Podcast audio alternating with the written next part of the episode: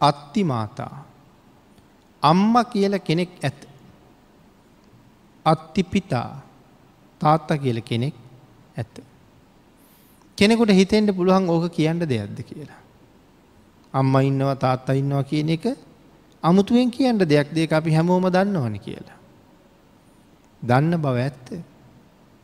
නමුත් අත්තිමාතා අත්තිපිතා කියන කාරණාව මේ සම්බුද්ධ ශාසනයට ඇතුල්වෙන්ඩ සම්පූර්ණ කරන කාරණා දහයින් දෙකක් බවට පත්වෙලා මෙතෙන්ට ආවේ මොන තරං වටිනාකමක් මේ වචන දෙක ඇතුළේ තියෙන නිසාද. මොන තරං විශේෂත්වයක් මේ වචන දෙක ඇතුළේ තියෙන නිසාද. අම්ම සහ තාත්තා. මව්පියෝ කියල කියන්නේ අපට ජීවිතයේ දීපු අය. මේ ලෝක අපිට හම්බෙච්ච වටිනාම සම්පත මොකක්ද කියල කල්පනා කරලා බැලුවොත්. අපිට හම්බ වෙලා තියෙන වටිනාම වස්තුව තමයි අපිට ලැබිච්ච අපේ ජීවිතේ. මේ ලෝක අපි වැඩියෙන්ම ආදරය කරන වස්තුව මොකක්ද කිය ලැහුවොත්.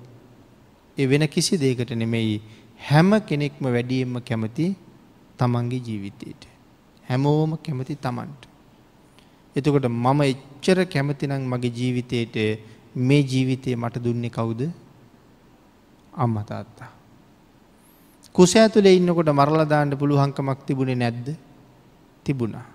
දී කරලා දාන්නත් තිබුණ ගබ්සා කරලා කපල කපල එලියට ගණ්ඩත් තිබුණා. මේ කතා කරන තප්පරෙත් මේ ලෝකෙ එහෙම දේවල් දස් ගනන් වෙන්නේ නැද්ද එහෙමත් වෙනවා. ඔබත් මමත් එක්ක ජීවත්තෙන්ට හිටපු තවත් විශාල පිරිසක් කොටසක් දිය වෙලා ගියා කොටසක් කෑලි කෑලිවලට කපලාරන්දම. හැබැයි අපේ අම්ම අපිටත් එහෙම කලා නං අද ඔබත් ඔතන නෑ මමත් මෙතන නෑ. එනම් මවකුසේ දරුව දරාගෙන නොවිදිනා දුකක් දසමාසයක් තිසේ ඉවසමින් අම්ම අපිව හදල පෝෂණය කළා. සමහර වෙලාවට දරුව බිහි කරන්න ගිහිල්ලා අම්මලා මැරෙනවා.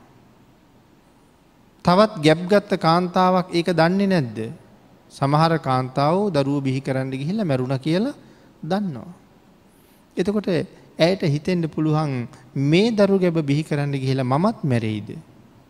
සමහරම්මලා දරුව බිහිවෙන වෙලාවේ බොහොම වේදනාවෙන් නමුත් කීවේ මගේ ජීවිතයට මොනවුනත්කමක් නෑ පුළුවන්නම් මගේ දරුව බේරගන්න කියලා. ඒ තරම්ම සෙනෙහසක් තිබිච්ච නිසා අපිට ජීවිතයේ දුන්න නිසා මව්පියන්ට අපි ගාව තියෙනවා පුදුම පුදුමාකාර ණය බරක්. ඒක ගෙවන්ඩ පුළුහන්ද කවදාවත් බුදුරජාණන් වහන්සේ දේශනා කළේ මේ පොලෝ තලය පෘථවි තලයේ සත්‍රුවනින් පුරෝලා අම්ම ඉතාත්තයි ඒ මත සැතපෙව්වොත්. සතපෝල ඒ සත්‍රුවන් සියලු දෙනාම ඒ දෙන්නගේ කියලා ඒ දෙන්නට පවරලා දුන්නොත්.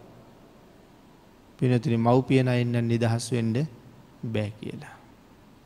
අවුරුදු සීයක් අම්මයි තාත්තයි දෙවුර මත තියාගන්න සැලකුවොත්. අවුරුදු සීයම කරෙන් බස්සන්නෙම නෑ අම්ම තාත්තා මළමූත්‍රා කරන්නේ පවා කර උඩ ඉඳගෙන. මේ සියලුම දුක් ඉවසගෙන සියක් අවුරුද්දක් සල කලා බිමින් තියෙනකොට ධර්මය සඳහන් කළේ ඒ පුතා මව්පියන්ට සල කලා නෑ කියලා. සැලකුවා මදි කියලා. අම්මගින් බීපු එක කිරිබින්දුවක නායග වණ්ඩවත්. තාත් අපි වෙනුවෙන් හලාපු එක කඳුලක දහඩිය බින්දුවක නායග වණ්ඩවත්. අපිට එහෙම සල කලා බැරි බවයි දේශනා කළේ. දෙන අම්ම තාත්ත කොයි තරං මේ ලෝකෙ විශේෂද. ආං ඒ නිසයි සම්මා දිට්ටියට මේ කාරණා දෙක ගොුණු වෙලා එන්නේ. මව්පියෝ කියල කියන්නේ දරුවන්ට ජීවිතය දුන්නාය මේ ලෝකෙ ඉන්න හොඳම සම්පත තමයි අම්මයි තාත්තයි. පිනතුන මිනිස්සුන්ට බොහෝ ප්‍රයෝජනවත් වෙච්ච වස්තුවක් ලෝකෙ තියෙනවනං ඒ ගින්දර. ගින්දර අපේ හැමදේටම උදව් කළා. වක්‍රව හරි කල්පනා කරලා බැලුවොත් ගින්දරෙන් උදව් නොල බපු දෙයක් නැති තරම්. අපි වාහනයකට ගොඩ වනත් ඒක ක්‍රියාත්මක වෙන්නත් ගින්දර හේතු වෙනවා. එනම් ගින්දර අපට නැතිවම බැරි දෙයක්. එයින්ද හරියට ගින්දර කියල කියන්නේ ලෝකෙ ඉන්න හොඳම සේවකය. ලෝකෙ ඉන්න නරකම ස්වාමියත් ගින්දරණී පුච්චලා අලු කරලා දානවා චුට්ට වැරදුණු. අම්ම තාත්ත අපිට ජීවිතය දුන්නා. හැබැයි ඒ දෙන්න කෙරෙහි පිළිපදිනකොට වැරදුනොත් වැරදුනොත් මුළු සසරට මේක බලපානවා. ආන්ගේ හින්ද මව්පියෝ ඇසුරු කරන්න වෙන්නේ හරීම පරිස්සමෙන් ගින්දර ඇසුරු කරනවාගේ. ඇයි එහෙම සඳහන් කළේ. බුද්ධ දේශනාව හැටියට නං අම්ම තාත්තා ගෙයින් දුර බැහැර යනකොට දරුව නැගිටලා ඇවිල්ලා ආචාර කරන්න ඕන. ඒඇන වඳින්ට ඕනේ. මව්පියෝ ඉන්න තැන උඩ ඉඳගෙන ඉන්ඩ හොඳ නෑ මව්පියෝ හිටගෙන ඉන්නකොට. බෙම හිටියටනම් කමක් නැතිේ උඩ ඉන්න හොඳ නෑ. අම්ම තාතා දුර ගමන ගිහිල් යනකොට පෙර ගමන් යන්ට ඕනෑ. අතේ මිටේ බඩුමුට්ටු එල්ලගෙන ගොල්ල එන්නේ දරුවන්ට පෙර ගමන් ගිහිල්ලෙව ගණ්ඩෝනේ. අරගෙන දන ගහල වඳින්ඩ ඕනේ.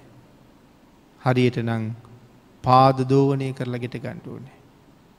උදේ හවස වන්දනා කරන්න ඕනේ. වෙච්ච වැරද්දට හැම වෙලාම සමාව ඉල්ලන්ට ඕනේ. එ තරං ගාම්බීරයි මව්පියෝ. අප පිනතු නහල තිනෝ දසෝක මාලා ගැන. කව් දසෝක මාලා කියල කියන්නේ. සාලිය කුමාරයාගේ අග්‍ර මහේෂිකාව. අසෝක මාලා කොච්චර ලස්සනද රැස් විහිදෙන රූපයක් තිබුණේ. දෙලිසෙනවා. හැබැයි ඉපදිලා හිටිය මොනකුලේද සැඩල් කුලි. මේ සැඩල් කුලේ අය ප්‍රභූ පැලැන්තිය අයගේ මූුණට මුණ එන්නේ නෑ. අසෝක මාල දවසක් පාරදිගේ ඇවිදගෙන නගරේ වාසල් දොරටුව ගාවට එනකොට ඇතුල් පැත්තිෙන් රාජකුමාරයාගේ රතේ එනවා හඬ ඇහෙනවා. දැන් අසෝක මාලට කොහෙවත් යන්න දිහක් තියෙනවාද. හරියටම ඉන්න වාසල් පවුර ඉස්සරහා. දැන් අශ්වරතය එන වැහෙනවා දැන් මේ දොරටුව විවෘත කරපු ගමම්ම කුමාරයාගේ නැත ගැටෙන්නේ අසෝකමාලා. සැඩල් කුලේ දඩුවන් කරනවා මූුණ ඉස්සරහටාව. කරන්නම දෙයක් නැති හින්දා දොර ඇරෙනවත් එකම ඒත් එක්කම ගිහිල්ල බිත්තියට හේත් වුණා. වාසල් පවුරට හේත් වුණා. ඒවුනට ඉතින් රතේ පහුවෙනකොට පවුර දිහා බලනවන්නේ. ආංගේ බලනකොට දැක්ක අසෝක මල හේත්තු වෙලා ඉන්නවා. සාලිය කුමාරයක් කොහොම දැහුවේ තමන්ගේ සේවකයන්ගෙන්. ඊයේ මම යනකොට මෙතන තිබ්බෙ නැති මේ සිතුවම අද එලි වෙනකොට කවුද ඇන්දි කියලා. එ තරම්ම ලස්සනයි. ස්වාමිනී සිතුවමක් නෙමේ පියවියෙන්ම කාන්තාවක් කියලා දැනගත්ත හම සැඩල් කුලේ කෙනෙක් විවාහ කරගත්තොත් රජකම හම්බ වෙන්නේ. රජකමට වඩා මට ඇයි විවාහ කරගන්න තියෙනව නම් වටිනව කියලා හිතල තමයි. සස්වාමිකද අස්වාමිකත කියලා හලා අස්වාමිකයි කියල දැනගත්ත හම විවාහ කරගන්න තීරණය කළේ රජකම එපා කීවා. ඇය ලැබෙනවනම්. ඒ තරම්ම ලස්සන රූපයක්. නමුත් එච්චර ලස්සන රූපයක් ලබන්ඩ ඇය කොච්චර සංසාර පින් කරන්න ඇද. එච්චර පින්කරපු කෙනා ඇයි සැඩොල් කුලේට ගී. සඳහන් කළා අම්මට කියාපු එක වචනයක් හින්ද සැඩොල් කුලේට ගියා. අම්මත් එක පින්කමකට ගිහිල්ල අම්ම යම් කාරණාවක් අහනකොට සැඩොලියක් වගේ මල් හදනවා බුද්ධාසනය මත ඒ මල් හෝදලා නෑ. එහෙම්මම දූවිලි පිටිම්ම පූජ කරනවා. අම්ම කියනවා සැඩොලියක් වගේ මල්ටික හෝදන්නේ නැතුවමද බුදුරජාණන් වහසට පූජ කළේ කියලා. කියනකොටම කිව මමන මේ සැඩලි ඔඹ කියලා. ආංගෙදා ඉඳල තමයි නොයෙක් නිරාදුක් විඳලා සැඩල් කුලේම ඉපදිනවා. අම්මට කීපු එක වච්චන විපාක දෙන හැටි. ඉති මෙවා අපේ දරුවෝ දන්න ඇති හින්දා. සමහර වැඩිහිටියොත් දන්නේ නැති නිසා මොන තරන් අකුසල් ගෙදර ඉඳගෙනම රැස් කරගන්නවාද.